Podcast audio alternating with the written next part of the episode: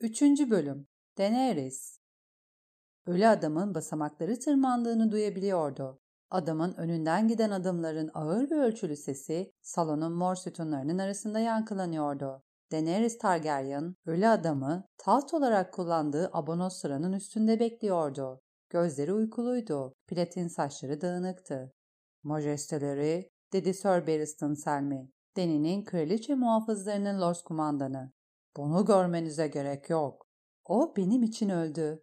Deni aslan postunu göğsüne çekti. Postun altında onu uyluklarına kadar örten ince beyaz bir keten tunik vardı. Missandei onu uyandırdığında Deni kırmızı kapılı bir evin rüyasını görüyordu. Giyinmek için zamanı olmamıştı. Kalesi diye fısıldadı Iri. Ölü adama dokunmamalısınız. Ölüye dokunmak kötü şans getirir. Eğer onu bizzat öldürmediyseniz. Cikko, Iri'den daha iri kemikliydi. Geniş kalçaları ve büyük göğüsleri vardı. Bu bilinir, bilinir diye onayladı Iri. Dotraklar, atlar söz konusu olduğunda zeki insanlardı ama diğer konularda tamamen aptal olabiliyorlardı. Ayrıca onlar sadece küçük kızlar. Deni'nin hizmetçileri onunla aynı yaştalardı. Siyah saçları, bakır tenleri ve badem şekilli gözleriyle görüntüde yetişkin kadınlardı ama yine de küçük kızlardı. Deni'ye Kaldrago ile evlendiği gün verilmişlerdi. Deni'nin giydiği postu ona Drago vermişti. Bir rakarın başı ve derisi. Dotrak denizinin beyaz aslanı. Deni'ye çok büyük geliyordu ve küf kokuyordu. Ama Deni post sayesinde güneşi ve yıldızı hala onun yanındaymış gibi hissediyordu. Basamakların tepesinde önce gri solucan belirdi. Bir meşale taşıyordu. Adamın bronz miğferinin tepesinde üç diken vardı. Gri solucanı dört lekesiz takip etti. Ölü adamı omuzlarında taşıyorlardı. Lekesizlerin miğferinde sadece birer diken vardı. Adamların yüzleri öyle ifadesizdi ki onlar da bronzdan dökülmüş olabilirlerdi. Cesedi Deni'nin ayaklarının dibine yatırdılar. Sir Barristan kanla lekelenmiş kefeni açtı. Gri solucan Deni'nin cesedi görebilmesi için meşaleyi aşağı indirdi. Ölü adamın yüzü pürüzsüz ve tüysüzdü ama yanakları bir kulağından diğerine kadar kesilmişti. Uzun boylu, mavi gözlü, güzel yüzlü bir adamdı.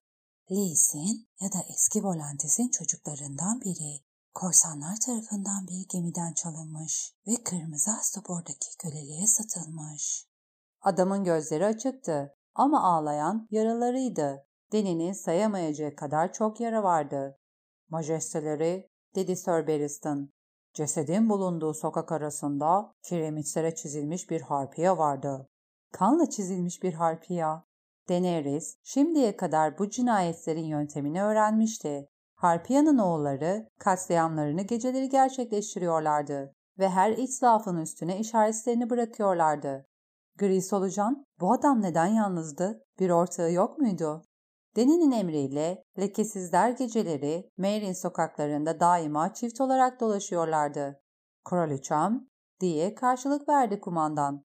Hizmetkarını Sadık Kalkan dün gece görevde değildi. İçki içmek ve arkadaş bulmak için malum bir yere gitmişti. Malum bir yer? Ne demek istiyorsun? Bir zevk evi majesteleri. Bir genel ev. Deni'nin azatlı kölelerinin yarısı, bilgi ustaların yatak kölesi yetiştirmekle meşhur olduğu Yünkai'den geliyordu. İç çekmenin yedi makamı. Mary'nin dört bin yanında mantarlar gibi genel evler bitmişti. Bildikleri tek şey bu. Hayatta kalmak zorundalar. Yiyecek her gün biraz daha pahalanırken insan eti ucuzluyordu. Mary'nin köle ticareti asaletine ait olan basamaklı piramitlerin arasındaki yoksul bölgelerde akla gelebilecek her tür şehveti zevke hizmet eden gelin evler vardı. Deni bunu biliyordu. Buna rağmen bir kadın bir genel evde ne bulmayı umabilir? Erkeklik organlarından yoksun olan adamlar bile hala bir erkeğin kalbine sahip olabilirler majesteleri, dedi gri solucan. Öğrendiğime göre hizmetkarını Sadık Kalkan bazen genel ev kadınlarına sikke veriyormuş. Onunla yatağa uzanıp ona sarılmaları için. Ejderhanın kanı ağlamaz. Sadık Kalkan, dedi Deni kuru gözlerle. Adı bu muymuş? Eğer majesteleri memnun olacaksa. Güzel bir isim. Astapor'un iyi ustaları köle askerlerin isim almasını bile yasaklamıştı. Lekesizlerden bazıları Deni onları azat ettikten sonra doğum isimlerini geri almışlardı. Diğerleri kendileri için yeni isimler seçmişlerdi. Sadık Kalkan'a kaç kişinin saldırdığı biliniyor mu? Bu kulunuz bilmiyor. Çok. Altı ya da daha fazla, dedi Sir Barristan. Aldığı yaralardan anlaşılıyor ki ona her yandan saldırmışlar. Ceset boş bir kılınla birlikte bulundu. Sadık kalkan saldırganların bazılarını yaralamış olabilir. Deni, Harpiya'nın oğullarından birinin o anda bir yerlerde karnını tutmuş ve acıyla kıvranır halde ölüyor olması için sessiz bir dua okudu. Yanaklarını niye bu şekilde kesmişler? İnayisi kraliçem, dedi gri solucan. Katiller bir keçinin edep yerlerini hizmetkarını Sadık Kalkan'ın boğazına zorla tıkmışlar. Bu kulunuz cesedi buraya getirmeden önce onları çıkardı. Ona bizzat onun edep yerlerini yediremezlerdi. Astaporlular ona ne kök ne de gövde bırakmıştı. Oğullar cesaretleniyor, dedi Deni. Şu ana kadar saldırılarını silahsız azatlı kölelerle sınırlı tutmuşlardı. Onları caddelerde katletmiş ya da karanlıkta evlerine girerek yataklarında öldürmüşlerdi. İlk kez bir askerimi öldürüyorlar. İlk kez, diye uyardı Sir Barristan. Lakin son kez değil. Hala savaştayım, diye düşündü Deni. Tek fark, şimdi gölgelerle dövüşüyorum. Katliamın bir süre durmasını ummuştu. Gelişmek ve iyileşmek için biraz zaman ummuştu. Aslan postunu omuzlarından attı. Cesedin yanında diz çöktü ve ölü adamın gözlerini kapadı. Cikku'nun soluğunun kesilişini duymazdan geldi.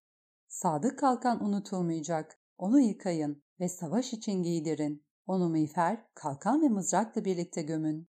Majesteleri nasıl emrederse, dedi gri solucan. Merhamet tapınağına adam gönderin. Mavi faziletlere kılıç yarasıyla gelen bir adam olup olmadığını soruşturun. Sadık Kalkan'ın kısa kılıcı için yüklü miktarda altın ödeyeceğimizi duyurun. Kasapları ve çobanları sorgulayın. Son zamanlarda kimlerin keçiyi diş ettiğini öğrenin. Belki de bir keçi çobanı itirafta bulunurdu. Bundan böyle karanlık çöktükten sonra hiçbir adam tek başına dolaşmayacak. Kollarınız emrinize itaat edecek. Daenerys saçlarını arkaya itti. Bana şu korkakları bulun. Bulun ki Harpiya'nın oğullarına ejderhayı uyandırmanın ne demek olduğunu öğreteyim. Gri solucan Deni'yi selamladı.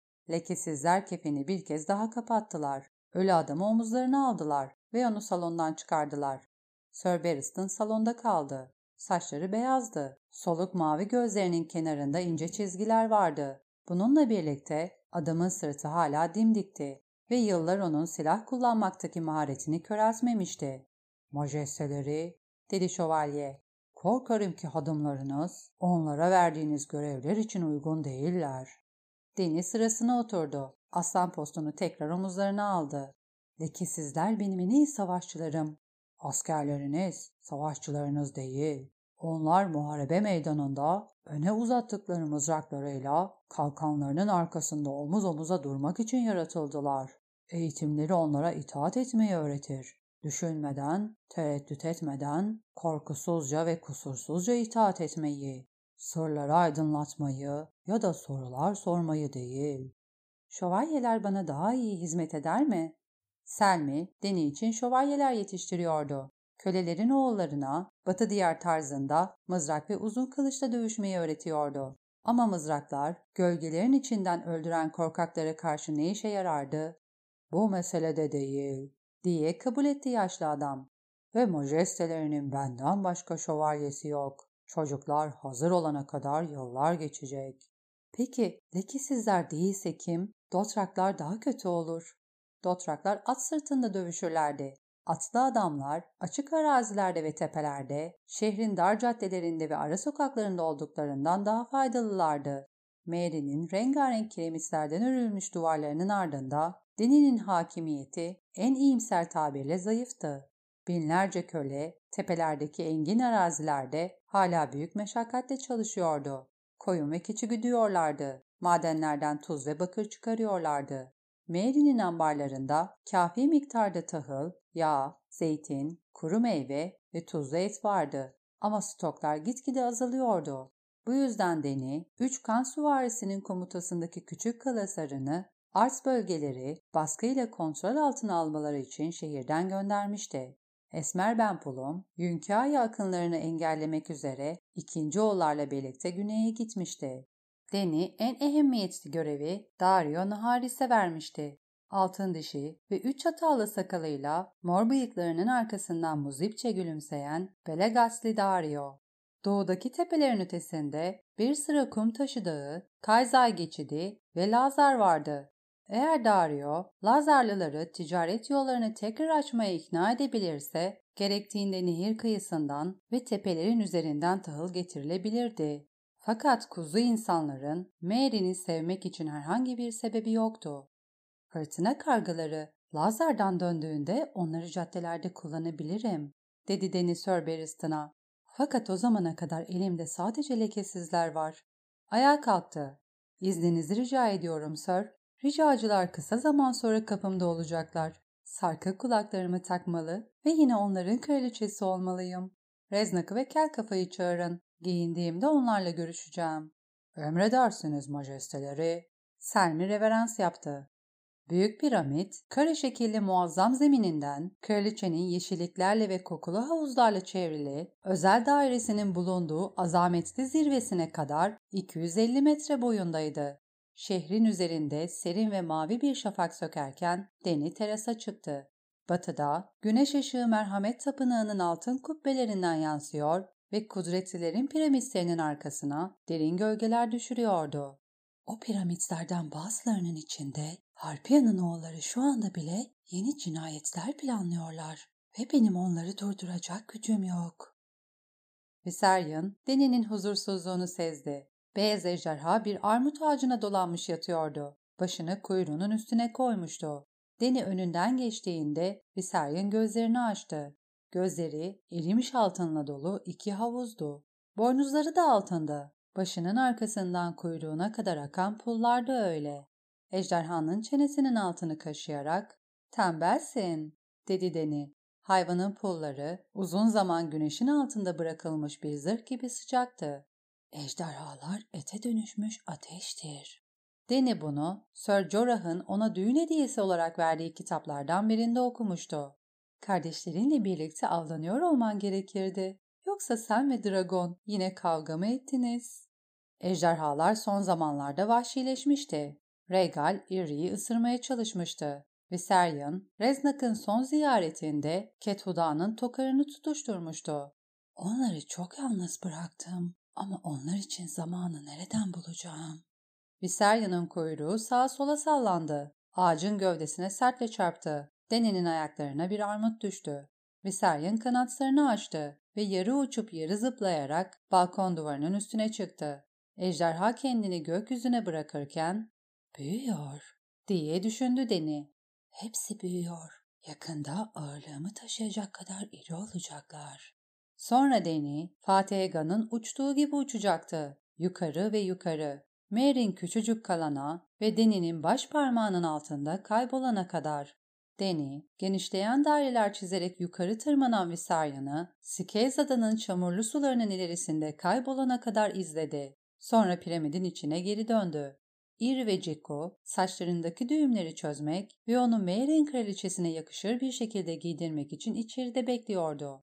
Merin kraliçesine yakışan kıyafet bir gizkar tokarıydı. Kullanışsız bir giysiydi. Kalçaların etrafına sarılan, tek kolun altından geçirilen ve omzun üzerine atılan uzun, bağcıksız, şekilsiz bir çarşaftı. Tokarın eteklerinden sarkan püsküller dikkatlice diziliyor ve sergileniyordu.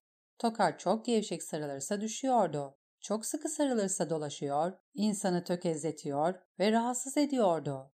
Uygun bir şekilde sarıldığında bile tokar giyen insan onu sol eliyle yerinde tutmak zorunda kalıyordu. Tokarın içinde yürümek için küçük adımlar atmak ve olağanüstü bir dengeyle hareket etmek gerekiyordu. Aksi halde insan yere sürtünen ağır püsküllerin üstüne basıyordu. Tokar, çalışmak zorunda olan adamlar için tasarlanmış bir giysi değildi. Tokar bir efendi kıyafetiydi. Variyet ve kudret göstergesiydi. Deni Mary'ni aldığında Tokar'ı yasaklamak istemişti. Ama danışmanları tarafından bunun aksine ikna edilmişti. Yeşil fazilet Galatse Galare, ejderhaların anası Tokar kuşanmalı ya da sonsuza kadar nefret edilmeyi göze almalı diye uyarmıştı. Yeşil fazilet Galatsa Galare, Batı diyar yünlerinin ya da Meir dantelinden dikilmiş bir elbisenin içinde majesteleri bizim aramızda sonsuza kadar bir yabancı olarak kalır. Tuhaf bir ecnebi, barbar bir fatih. İkinci oların kumandanı Esmer Ben Plum meseleyi kısa ve öz bir şekilde açıklamıştı. Tavşanların kralı olmak isteyen bir adam bir çift sarkık kulak takmalı. Deni'nin bugün için seçtiği sarkık kulaklar beyaz ince ketenden yapılmıştı. Deni, Iri'nin yardımıyla altın püsküllü tokarı üçüncü denemesinde doğru bir şekilde vücuduna sardı. Iri, Deni'nin tacını getirdi. Taç, Deni'nin hanedanının üç başlı ejderhası şeklinde dövülmüştü. Ejderhanın kıvrımları altındı, kanatları gümüştü. Üç başından biri fil dişi, biri akik, biri de yeşimdi. Gün bitmeden Deni'nin boynu ve omuzları tacın ağırlığı yüzünden kaskatı olacaktı. Bir taç başta rahatça taşınmamalı. Bunu bir zamanlar Deni'nin atalarından biri söylemişti. Bir Egan ama hangisi? Batı diyarın yedi krallığında beş Egan hüküm sürmüştü. Altıncısı da olabilirdi. Ama işgalcinin köpeği Deni'nin ağabeyinin oğlunu henüz sütten kesilmemiş bir bebekken öldürmüştü. Yaşasaydı onunla evlenebilirdim. Egan benim yaşıma Viserys'ten daha yakın olacaktı. Egan ve kız kardeşi öldürüldüğünde Deni yeni doğmuştu. Çocukların babası yani Deni'nin ağabeyi Rhaegar çocuklardan da önce ölmüştü. Üç dişli mızrakta işgalci tarafından katledilmişti. Deni'nin diğer ağabeyi Viserys ve Istotrak'ta başında erimiş altından bir taşla çığlıklar atarak ölmüştü. İzin verirsen beni de öldürürler. Sadık kalkanı katleden bıçakların asıl hedefi bendim. Deni, ulu ustaların Yünkai'den Merin'e gelen yol boyunca çivilediği köle çocukları unutmamıştı. 163 çocuk vardı. Her milde bir çocuk, mil direklerine çivilenmiş ve tek kolları Deni'ye yolu gösterecek şekilde ileri uzanmış. Merin düştükten sonra Deni aynı sayıda ulu ustayı direklere çivilemişti. Adamların yavaş ölümüne sinek sürüleri eşlik etmişti ve Ufunet uzun süre meydandan ayrılmamıştı. Bununla birlikte Deniz zaman zaman yeterince ileri gitmediğinden endişe ediyordu. Merinliler Deni'ye her fırsatta karşı koyan sinsi ve inatçı insanlardı. Köleleri azat etmişlerdi, evet. Ama onları karınlarını bile doyuramayacakları kadar düşük maaşlarla hizmetkar olarak geri almışlardı. Bir işe yarayamayacak kadar yaşlı ya da genç olanlar hastalıklı ve sakat olanlarla birlikte sokaklara atılmıştı ve ulu ustalar soylu şehirlerinin ejderha kraliçesi tarafından pis dilencilerle, hırsızlarla ve fahişelerle doldurulduğundan şikayet etmek için hala azametli piramitlerin tepesinde toplanıyorlardı. Merin'i yönetmek için Merinlileri kazanmalıyım. Onlardan ne kadar nefret ediyor olursam olayım. Deni, Eerie'ye hazırım dedi. Reznak ve Skies mermer basamakların başında bekliyorlardı. Ulu kraliçe, dedi Reznak Mon Reznak. Bugün o kadar göz alıcısınız ki size bakmaya korkuyorum. Ketho'da altın püskülleri olan kestane rengi bir tokar giymişti. Ufak tefek silik bir adamdı. Parfümle yıkanmış gibi kokuyordu. Yüksek Valeyra dilinin koyu Gizkar aksanıyla bozulup yozlaşmış bir formunu konuşuyordu. Çok naziksiniz diye karşılık verdi Deni aynı dilde. Kraliçem diye hırladı Skyez Mokandak. Saçlarını kazıyan adamlardan biriydi. Gizkarlıların saçları gür ve kıvırcıktı. O saçlara boynuz, diken ve kanat şekli vermek, köle şehirlerindeki adamların uzun yıllardır benimsediği bir tarzdı. Skaheys, eski yerini geride bırakmak ve yenisini kabul etmek için saçlarını kazımıştı. Skaheys'in akrabaları onu örnek alıp aynı şeyi yapmıştı. Diğer adamlar da onları takip etmişti. Ama Deni bunun sebebinin korku mu, özenti mi yoksa hırs mı olduğunu söyleyemezdi. Saçlarını kazıyan adamlara kel kafalar deniyordu. Skaheys asil kel kafaydı ve Harpiya'nın oğullarına ihanet edenlerin eş şeytani olanıydı. Hadımın boşuna gelenleri duyduk. Onun adı Sadık Kalkan'dı. Katiller cezalandırılmazsa daha fazla adam ölecek. Saçları kazınmış olmasına rağmen Skyez'in tiksinti verici bir yüzü vardı.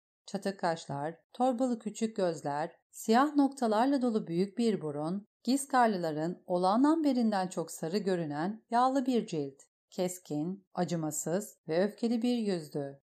Deni sadece o yüzün aynı zamanda dürüst bir yüz olması için dua edebilirdi. Kim olduklarını bilmezken onları nasıl cezalandırabilirim? diye sordu. Bana bunu söyle cesur Skyes. Düşman sıkıntısı çekmiyorsunuz majesteleri. Terasınızdan onların piramitlerini görebiliyorsunuz. Zek, Hezgar, Hazin, Merrick, Lark. Eski köle taciri ailelerin hepsi. Paul, en çok da Paul. Şimdi kadınlardan oluşan bir hane. Kan isteyen öfkeli ve yaşlı kadınlar. Kadınlar unutmaz. Kadınlar affetmez. Unutmaz ve affetmez diye düşündü Deni. Ve ben Batı diyara döndüğümde bunu işgalcinin köpekleri de öğrenecek. Deni ile Pal Hanedanı arasında bir kan davası olduğu doğruydu. Oznak Zopal teke tek bir dövüşte güçlü Belvas tarafından katledilmişti. Joson'un kamışı şehrin kapılarını kıymıkları ayırdığında Oznak'ın babası yani Mary'nin şehir muhafızları kumandanı kapıları savunurken can vermişti. Meydandaki 163 adamın arasında Oznak'ın 3 amcası vardı. Harpyan'ın oğulları ile ilgili bilgi için ne kadar altın vaat ettik? Eğer majesteleri memnun olacaksa 100 altın. Bin altın bizi daha fazla memnun eder. Öyle yapın. Majesteleri benim tavsiyemi sormadı dedi sıkı heskel kafa. Lakin ben derim ki kanın bedeli kanlı ödenmeli. İsmini verdiğim her aileden bir erkek alın ve öldürün. Bir dahaki sefere adamlarınızdan biri katledildiğinde her büyük hanedandan iki erkek alın ve ikisini de öldürün. Üçüncü bir cinayet olmayacaktır. Reznak inledi. Hayır, nazik kraliçem, böyle bir mezalim tanrıların gazabını üstümüze çeker. Katilleri bulacağız. Size söz veriyorum. Ve bulduğumuzda katillerin alt tabaka doğumlu pislikler olduğu anlaşılacak. Göreceksiniz. Kethuda Skyes kadar keldi ama onun kelliğinin sorumlusu tanrılardı. Reznak, dini tarafından terfi edildiğinde saçlarım ortaya çıkacak kadar küstahlaşırsa berberim usturası ile birlikte hazır bekliyor diye güvence vermişti. Deni bazen o usturanın Reznak'ın boğazı için saklanmasının daha iyi olup olmayacağını merak ediyordu. Reznak faydalı bir adamdı ama Deni ondan hoşlanmıyor ve ona güvenmiyordu. Kart'ın ölüm sözleri Deni'nin üç kez ihanete uğrayacağını söylemişti. İhanetlerin ilki Mary Mazdour'du. İkincisi Sir Jorah Mormont'tı. Üçüncüsü Reznak mı olacaktı? Kel kafa mı? Dario mu? Yoksa hiç şüphelenmediğin biri mi? Sir Barristan, Gri Solucan ya da Missandei? Skahes, dedi Deni kel kafaya. Tavsiyen için teşekkür ederim. Eznak, bin altının neler başarabileceğini bir görelim. Daenerys, tokarını tutarak adamları geçti ve geniş mermer merdivenden aşağı inmeye başladı. Püsküllere basıp düşmemek ve saraya kafa üstü girmemek için ağır adımlar attı. Missandei onun gelişini duyurdu. Küçük katibenin tatlı ve güçlü bir sesi vardı. Meirin kraliçesi, Andalların ve Roynarların kraliçesi, Büyük Çim denizinin kalesisi, Zincir kıran ve ejderhaların anası Daenerys fırtına da doğan için diz çökün. Salon doluydu. Lekesizler sırtlarını sütunlara vermiş halde ayakta duruyordu. Ellerinde kalkanları ve mızrakları vardı. Adamların miğferlerindeki dikenler bir sıra bıçak gibi yukarı uzanmıştı. Meriniler doğu duvarındaki pencerelerin altında toplanmıştı. Deni'nin azatlı köleleri eski sahiplerinin iyice uzağında duruyordu. Onlar bir arada durmadığı sürece Merin'de barış olmayacak. Salon ayağa kalktı.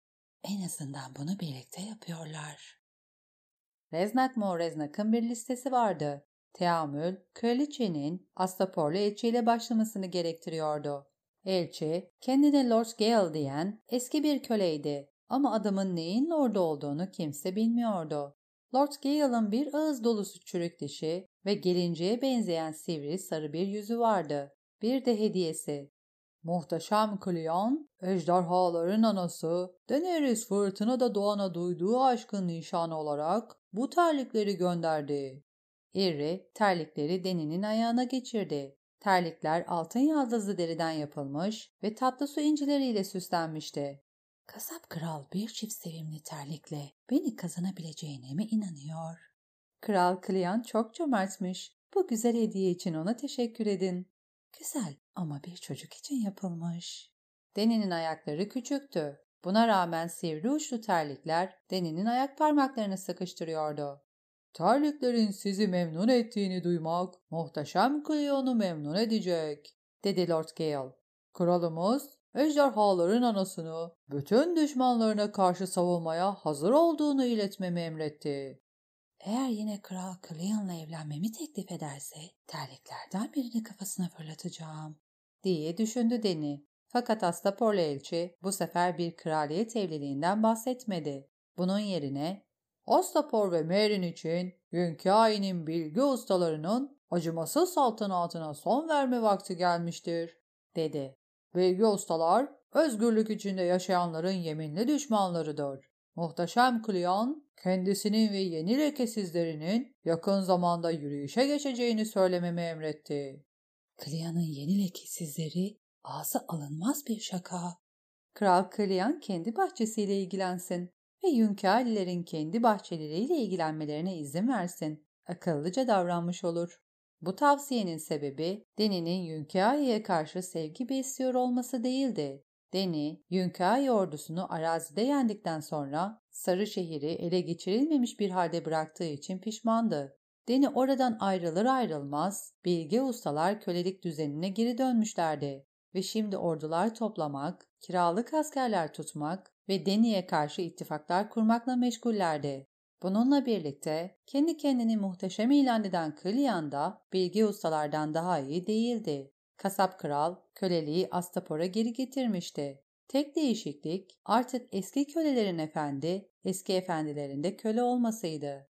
Ben sadece genç bir kızım ve savaş hakkında çok az şey bilirim, dedi Deni Lord Gale'a. Lakin Astapor'un açlıktan kırıldığını duyduk. Kral Kalyan, insanlarını savaşa götürmeden önce onların karnını doyursun. Elini salladı. Gale salondan çıktı. İlahimiz, dedi Reznak Moreznak. Soylu Hizdar Zolorak'ı dinleyecek misiniz? Yine mi?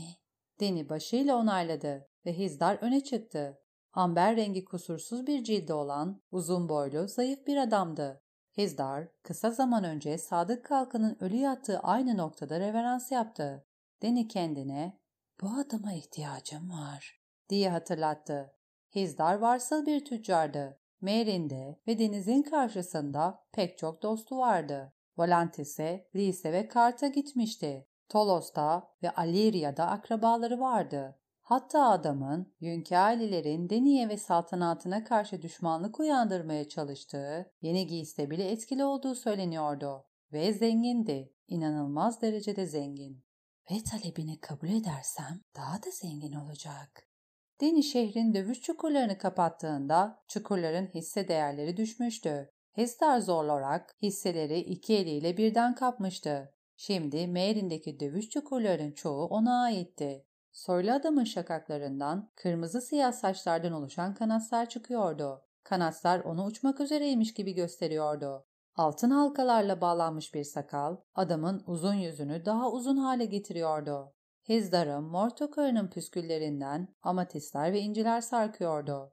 Majesteleri burada bulunuş sebebimi biliyor. Beni rahatsız etmekten başka bir amaca sahip olmadığın için buradasın sanırım. Seni kaç kez geri çevirdim? Beş kez majesteleri. Şimdi altı oldu. Dövüş çukurlarını tekrar açmayacağım. Eğer majesteleri sebeplerimi dinlerse... Dinledim. Beş kez. Yeni sebepler mi getirdin? Eski sebepler diye kabul etti Hizdar.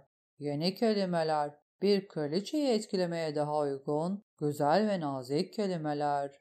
Kusurlu bildiğim şey amacın, nezaketin değil. Sebeplerini o kadar çok duydum ki senin davanı bizzat müdafaa edebilirim. Edeyim mi? Deni öne eğildi. Dövüş çukurları, Mary'nin kuruluşundan bu yana şehrin bir parçasıdır. Dövüşlerin tabiatı son derece dinseldir. Giysin tanrıları için bir kan fedakarlığıdır. Giysin ölüm sanatı basit bir kasaplık değildir. Tanrılarınızı çok memnun eden bir cesaret, maharet ve kuvvet nümayişidir.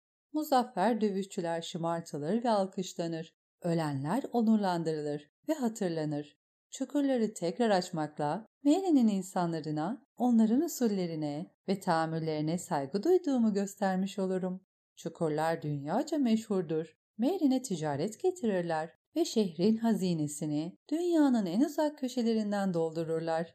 Bütün insanların kan susuzluğu vardır. Çukurlar bu susuzluğu giderir ve Mary'nin daha huzurlu bir yer olmasını sağlar. Çukurlar, kumların üstünde ölmeye mahkum edilmiş suçlar için dövüşle yargılama demektir. Bir adamın masumiyetini kanıtlayabilmesi için son bir şanstır. Deni tekrar arkasına yaslandı. İşte böyle. Nasıldım? Davayı benim bizzat yapmayı umabileceğimden çok daha iyi açıkladınız majesteleri. Görüyorum ki güzel olduğunuz kadar belagatlisiniz. Deni güldü. Ah değilim. Reznak mı reznak Deni'nin kulağına majesteleri diye fısıldadı. Şehrin dövüş çukurlarında elde edilen net kazancın onda birini vergi alarak alması adettendir. Sikkeler birçok soylu iş için kullanılabilir. Kullanılabilir. Fakat çukurları tekrar açacak olursak onda birimizi brüt kazançtan almamız gerekir. Ben sadece küçük bir kızım ve bu çeşit meselelerle ilgili çok az şey bilirim. Ama Zaraon Daxis'le birlikte bu kadarını öğrenecek kadar uzun zaman yaşadım. Hizdar, sebeplerini sıraladığım maharetle ordular sıralayabilseydin dünyayı fethederdin. Lakin cevabım hala hayır. Altıncı kez. Kraliçe konuştu. Hizdar tekrar reverans yaptı. Adamın amatistleri ve incileri mermer zeminde hafifçe tıkırdadı. Hizdar olarak çok kıvrak bir adamdı. Yakışıklı bir adam olabilirdi. O aptal saçları olmasaydı. Reznak ve Yeşil Fazilet, Deni'nin Merin soylusuyla evlenmesi için ısrar ediyordu. Şehir bu sayede Deni'nin hakimiyetiyle uzlaşabilirdi. Hezdarzo olarak dikkatli bir bakışa değer olabilirdi. Onu Sky ise tercih ederim. Kel kafa, Deni için karısını bir kenara koymayı önermişti. Ama bu fikir Deni'yi titretmişti. Hezdar en azından gülümsemeyi biliyordu. Listesine başvurarak, Majesteleri, dedi Reznak, Soylu Grazdan Zoglare size hitap edecek. Onu dinleyecek misiniz? Ayak parmaklarındaki sızıyı elinden geldiğince yok sayarak ve Kralia'nın terliklerindeki altınların ve incilerin ışıltısını hayranlıkla seyrederek ''Benim için zevk olur.'' dedi Deni. Önceden uyarılmıştı. Grazdan, Yeşil Fazilet'in kuzeniydi.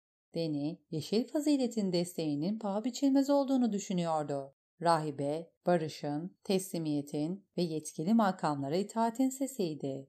Onun kuzenini saygıyla dinleyebilirim. Ona istediği her şeyi verebilirim. Adamın istediği şeyin altın olduğu anlaşıldı.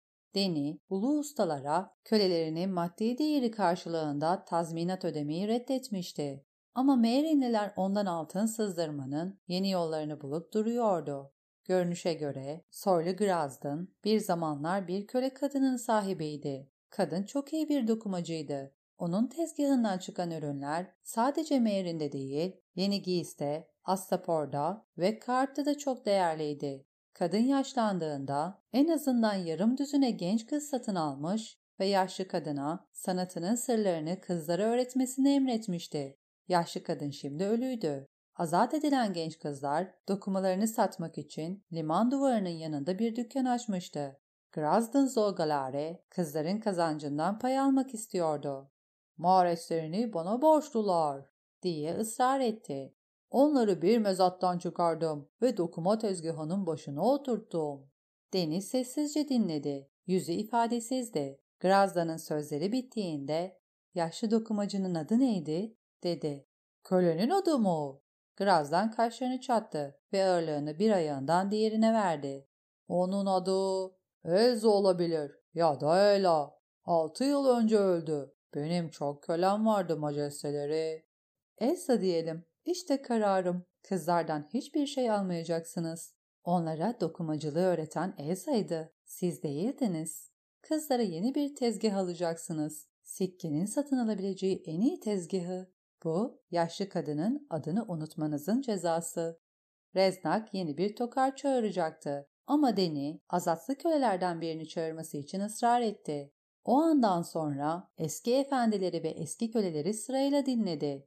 Önüne çözülmesi gereken birkaç mesele getirildi. Mary'in düşüşünün ardından vahşice yağmalanmıştı. Kudretlilerin basamaklı piramitleri yıkımın en kötü kısmından esirgenmişti. Ama şehrin köleleri ayaklanırken ve Deni'yi Yünka ile Astapor'dan beri takip eden aç sürüler kırık kapılardan içeri akarken Mary'nin daha mütevazi bölgeleri bir yağma ve cinayet çılgınlığına teslim edilmişti. Lekesizler sonunda asayişi tekrar sağlamıştı. Fakat yağma arkasında sayısız sorun bırakmıştı. Onlar da kraliçeyi görmek için geliyordu. Kocası ve oğulları şehir duvarlarını savunurken ölen bir kadın geldi. Kadın yağma sırasında korkuyla ağabeyine kaçmıştı. Geri döndüğünde evinin bir genel eve çevrildiğini görmüştü. Fahişeler kendilerini onun giysileri ve mücevherleriyle donatmışlardı. Kadın evini ve mücevherlerini geri istiyordu. Kıyafetler onlarda kalabilir, dedi. Deni, kadının mücevherlerinin iade edilmesine karar verdi. Ama ev, sahibesi onu terk ettiğinde kaybedilmişti.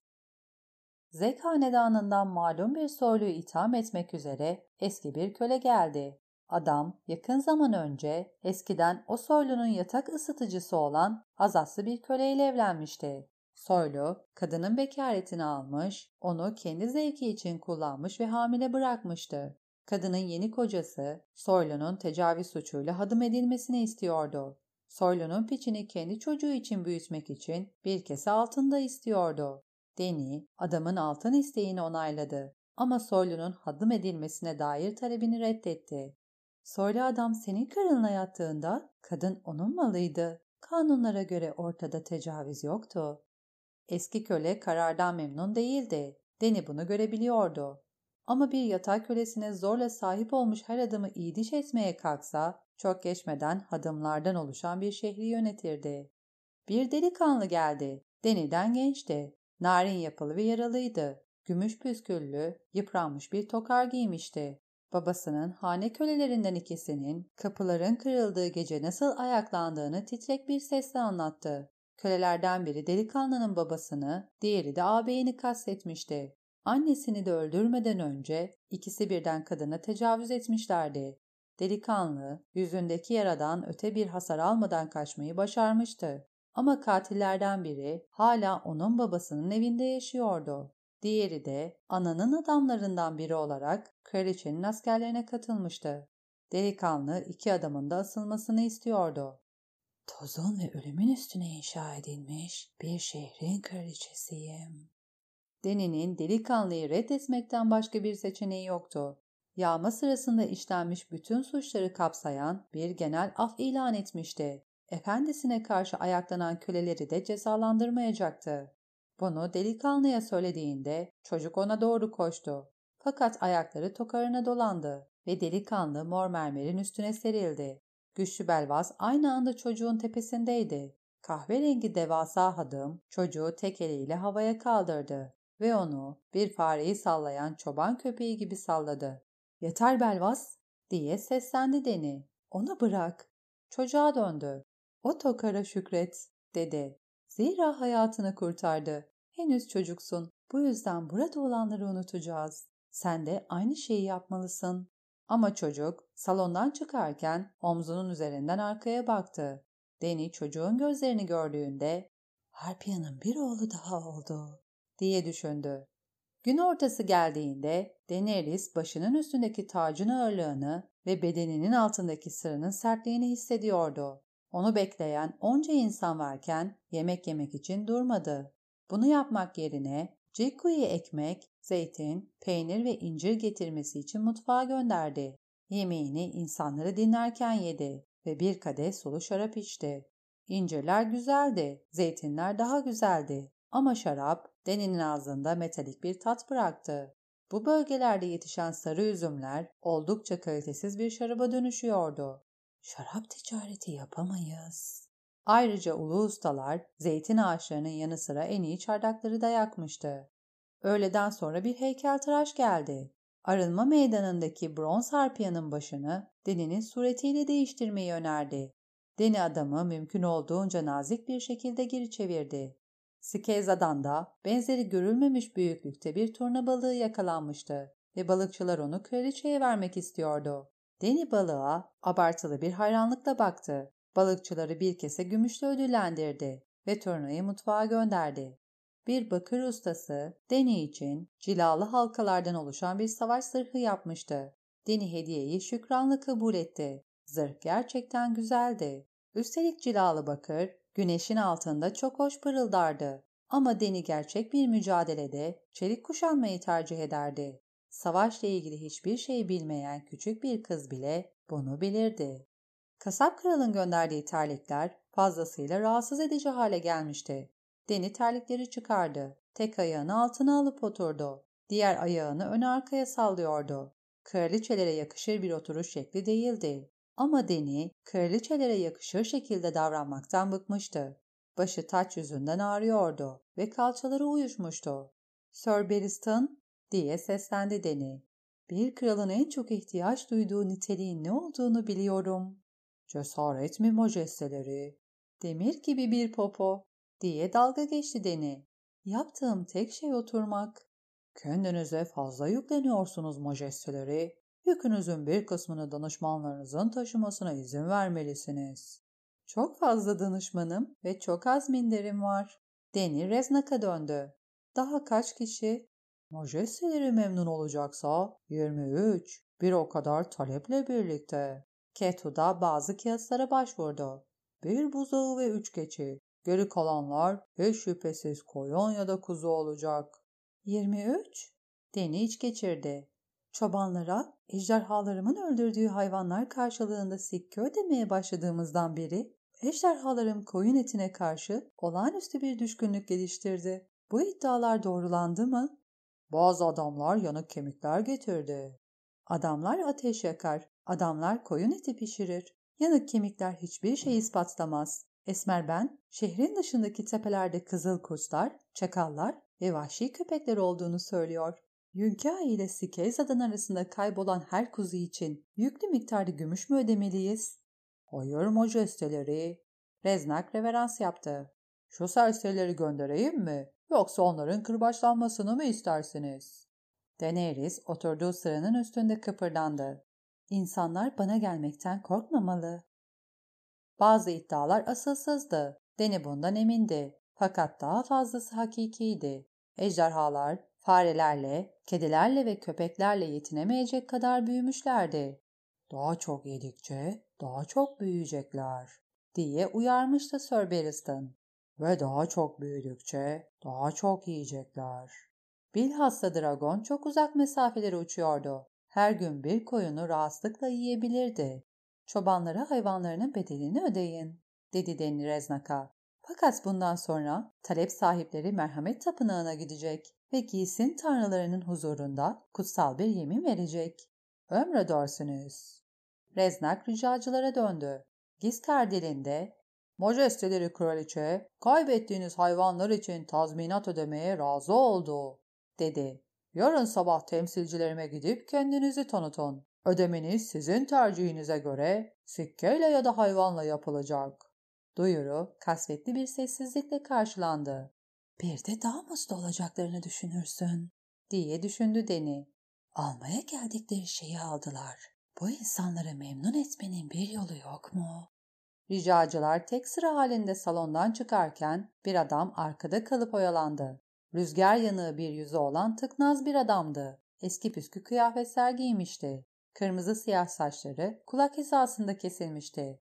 Adam başına öne eğmişti. Nerede olduğunu tamamen unutmuş gibi mermer zemine bakıyordu. Bu ne istiyor? diye düşündü Deni. Merin kraliçesi, Andalların ve Roylarların kraliçesi, Büyük Çim Denizi'nin kraliçesi, Zincir Kıran ve ejderhaların anası Daenerys fırtına da doğan için diz çökün diye bağırdı Missandei o tez ve tatlı sesiyle. Deni ayağa kalktığında tokarı aşağı kaymaya başladı. Deni tokarı yakalayıp yerine çekti. Sen çuvallı adam diye seslendi. Bizimle konuşmak mı istiyordun? Yaklaşabilirsin. Adam başını yukarı kaldırdı. Gözleri açık yaralar gibi çiğ ve kırmızıydı. Danny, Sir Barristan'ın beyaz bir gölge misali onun yanına geldiğini gördü. Adam elindeki çuvalı sımsıkı tutarak, sendeleyerek ve ayaklarını sürüyerek yaklaştı. Bir adım, sonra bir adım daha. Sarhoş mu yoksa hasta mı? diye merak etti Deni. Adamın sarı tırnaklarının altında toprak vardı. O nedir? diye sordu Deni. Bizimle paylaşacağın bir sorunun mu var? Bir istirhamın mı var? Bizden ne istiyorsun? Adam tedirgin bir şekilde çatlak dudaklarını yaladı. Ben bir şey getirdim. Kemikler mi? dedi Deni sabırsızca. Yanık kemikler. Adam çuvalı kaldırdı ve çuvalın içindekileri mermerlerin üstüne döktü. Çuvalın içindekiler kemikti. Kırık ve kararmış kemikler. Uzun olanlar ilikleri için açılmıştı. Siyah olandı, dedi adam giskar aksanıyla. Kanatlı gölge gökyüzünden indi ve ve hayır. Deni titredi. Hayır, hayır, ah hayır. Sağır mısın aptal adam? diye sordu Reznak Moreznak. Beyanımı duymadın mı? Yarın temsilcilerime git. Koyununun bedelini alacaksın. Reznak, dedi Sir Barristan sessizce. Ağzını kapat ve gözlerini aç. Bunlar koyun kemikleri değil. Hayır, diye düşündü Deni. Bunlar bir çocuğun kemikleri. Üçüncü bölümün sonu.